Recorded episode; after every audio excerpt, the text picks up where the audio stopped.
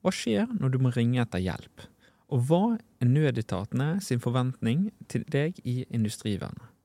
Velkommen til Industrivernpodden. Mitt navn er Eivind Holm Nødtveit, og i dag skal vi prate med nødetatene for å finne ut hvordan det er å få hjelp. God lytting.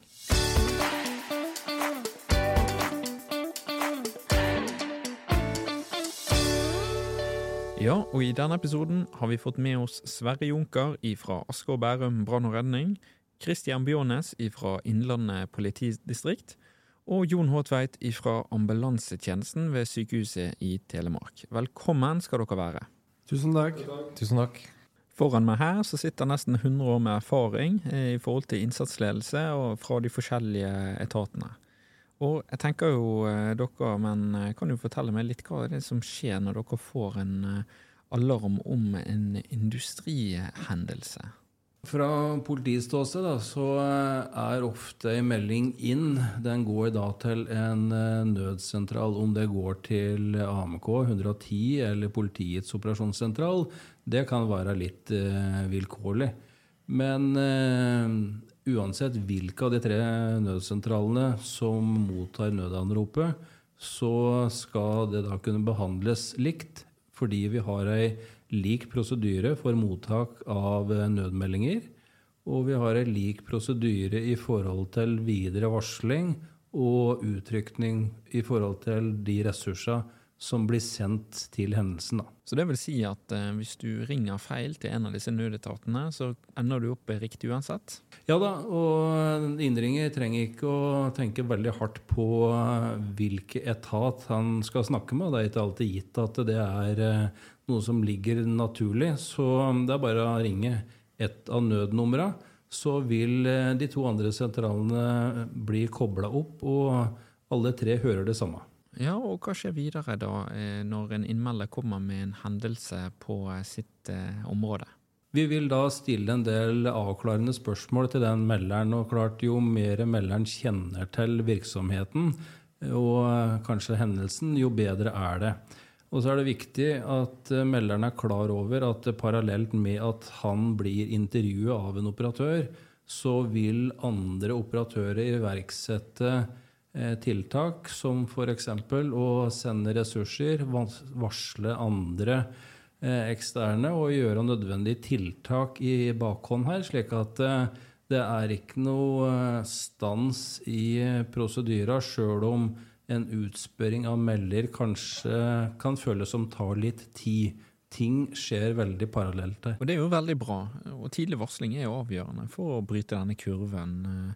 Men er det sånn at eh, melderen må være lenge på telefonen? Det kommer litt an på hva slags eh, situasjon eh, vedkommende er i. Og erfaringsmessig så er vi mest interessert i å snakke med melderen når det gjelder livreddende tiltak. Eh, fokus nummer én er jo å redde liv. Eh, så erfaringsmessig så vil en AMK-operatør kanskje holde melderen lenger på tråden, rett og slett for å veilede og få gitt riktig medisinsk vurdering, mens eh, politi og brann kanskje kan trekke seg ut av den konferansen noe tidligere. Det kan oppfattes lenge i forhold til en melder, men han skal være trygg på at prosessen går videre allikevel. Hva skjer så videre i denne samtalen eh, etter det er blitt utalarmert? Da blir eh, riktige ressurser eh, varsla. Og det spesielle er at vi har nå en egen tallgruppe for nødetatene. En såkalt BAPS-tallgruppe. Hvor brann, politi ambulanse samhandler i ei felles tallgruppe og deler tidskritisk informasjon på vei fram til uh, ulykkesstedet. Er det sånn at Industrivernet kan delta i denne kanalen, eller har de egne kanaler? Industrivernet har mulighet til å bruke nødnett, men det vil i så fall være samvirketalegrupper. Eh, de nevnte BAPS-talegruppene er dedikert til brann, politi og helse, og slik må det nesten være.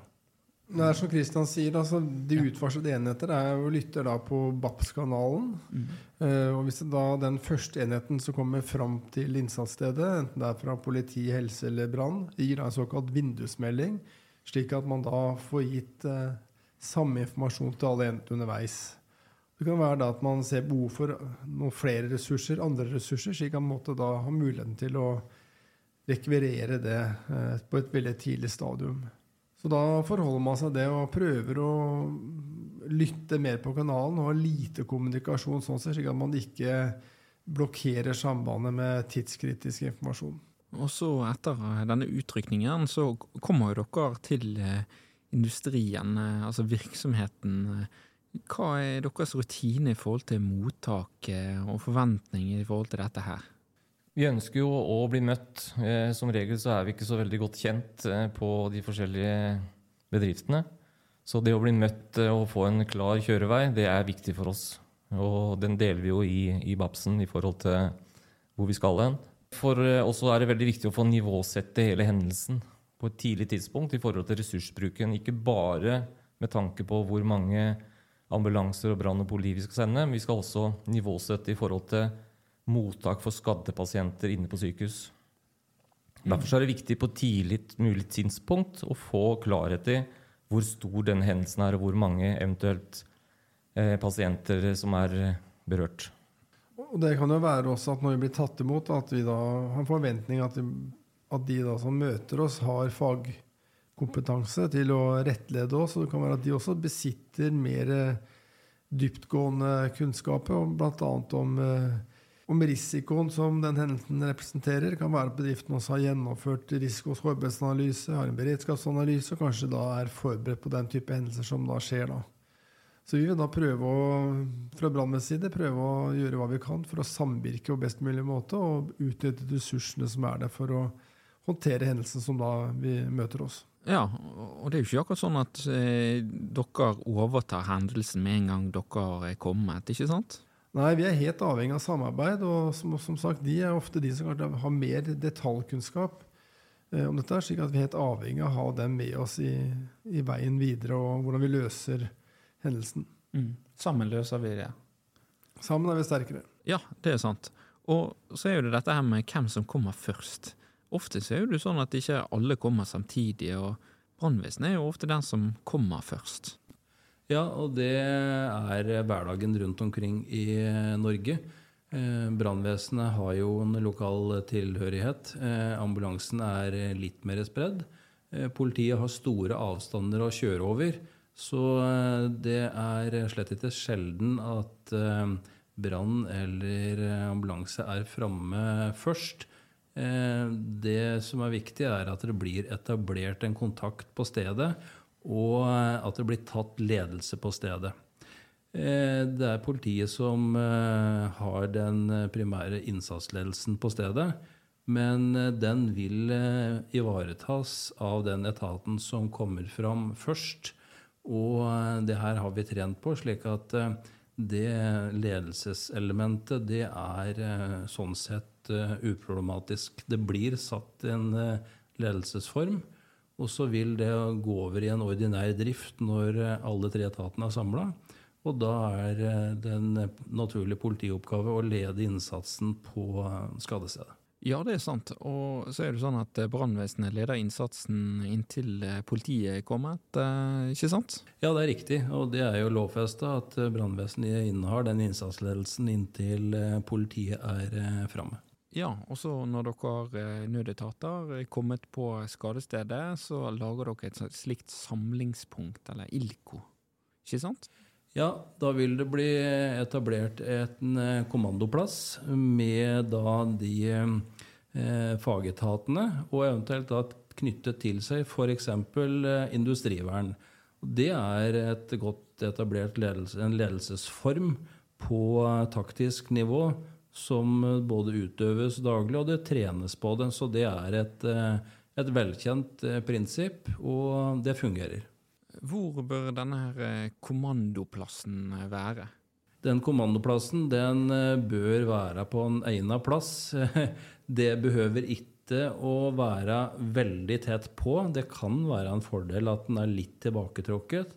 Og ikke altfor påvirka av sjølve hendelsen slik at det blir en viss arbeidsro på kommandoplassen.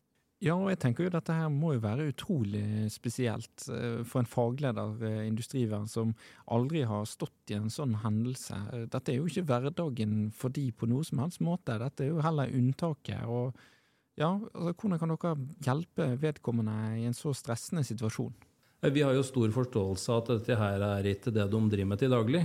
Så en hendelse som da forhåpentligvis skjer sjelden, det vil de jo være noe uerfarne på.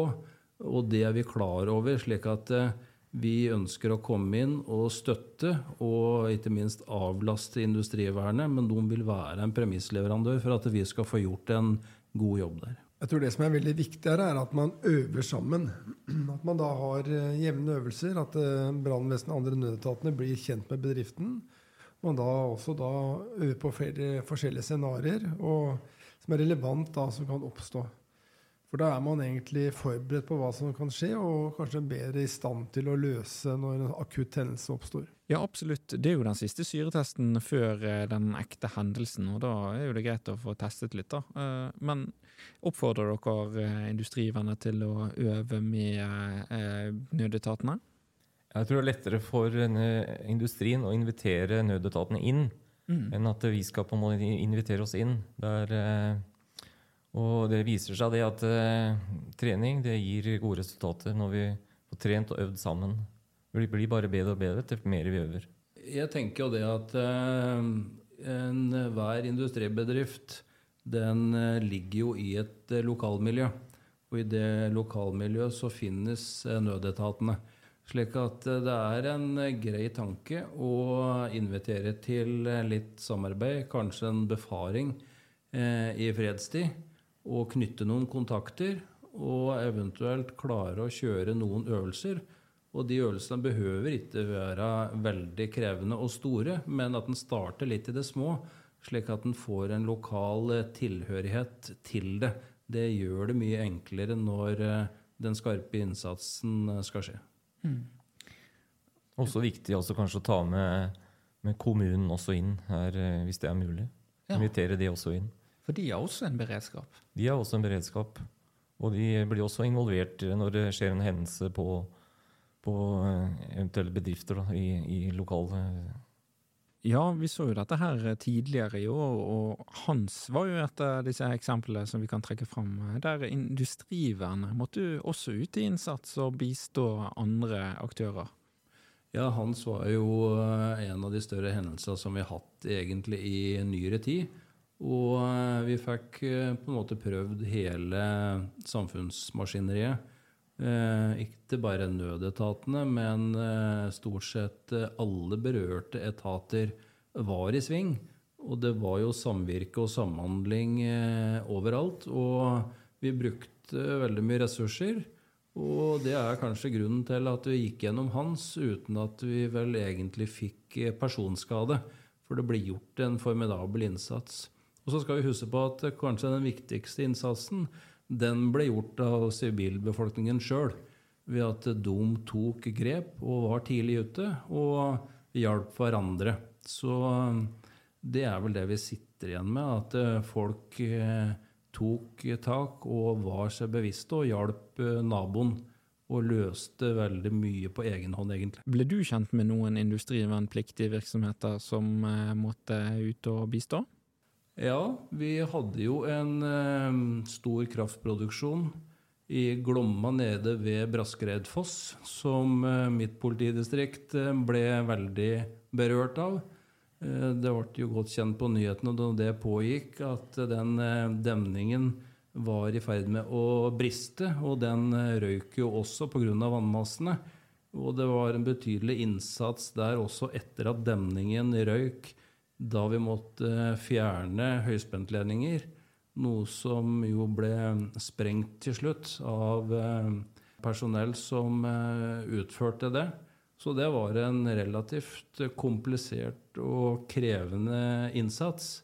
Og så skal vi huske også de mer akutte innsatsene som foregikk eh, spesielt i Valdres og i Ottadalføret hvor eh, det rasa ut eh, imellom tettbebyggelse og mindre gardsbruk.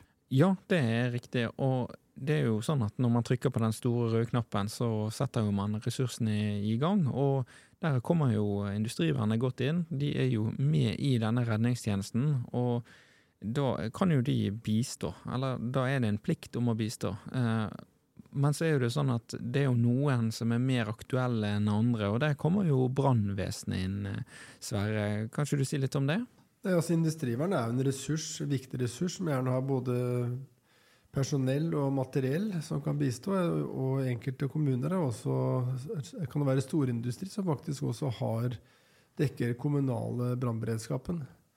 Så det er noe som man kan bruke, og vil nok også bli rekvirert da, ved hendelser hvor det er behov for mer bistand fra, som det ligger til rette for. Ja, og da er det viktig å kjenne hverandre, og litt sånn som du eh, sa i sted, dette med å øve. Ja, tilbake til med øve var viktig kanskje å tenke litt langsiktig også. At man da er eh, planlegger øvelser på lang tid. Altså at man da kanskje involverer ikke bare industrivern, men også kanskje får med kommuner, slik at man ser på da totalberedskapen i større sammenheng i det distriktet man er. Vi har jo eh, industrivern som rykker ut som first responder i vårt distrikt, som gjør en veldig god jobb fram til det kommer en eh, ambulanse til stedet. Så det har vært en veldig støtte for eh, spesielt lokalsamfunnet i nærområdet til den industrien. Ja, det tenker jeg er viktig, for da har man noen som kan bryte kurven tidlig. Og det er jo tid som er avgjørende i mange hendelser.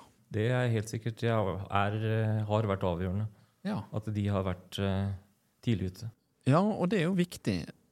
Men så er det da Hva er deres forventning til Industrivernet når det kommer en alarm fra de? Vi forventer jo at eh, de kjenner sin bedrift.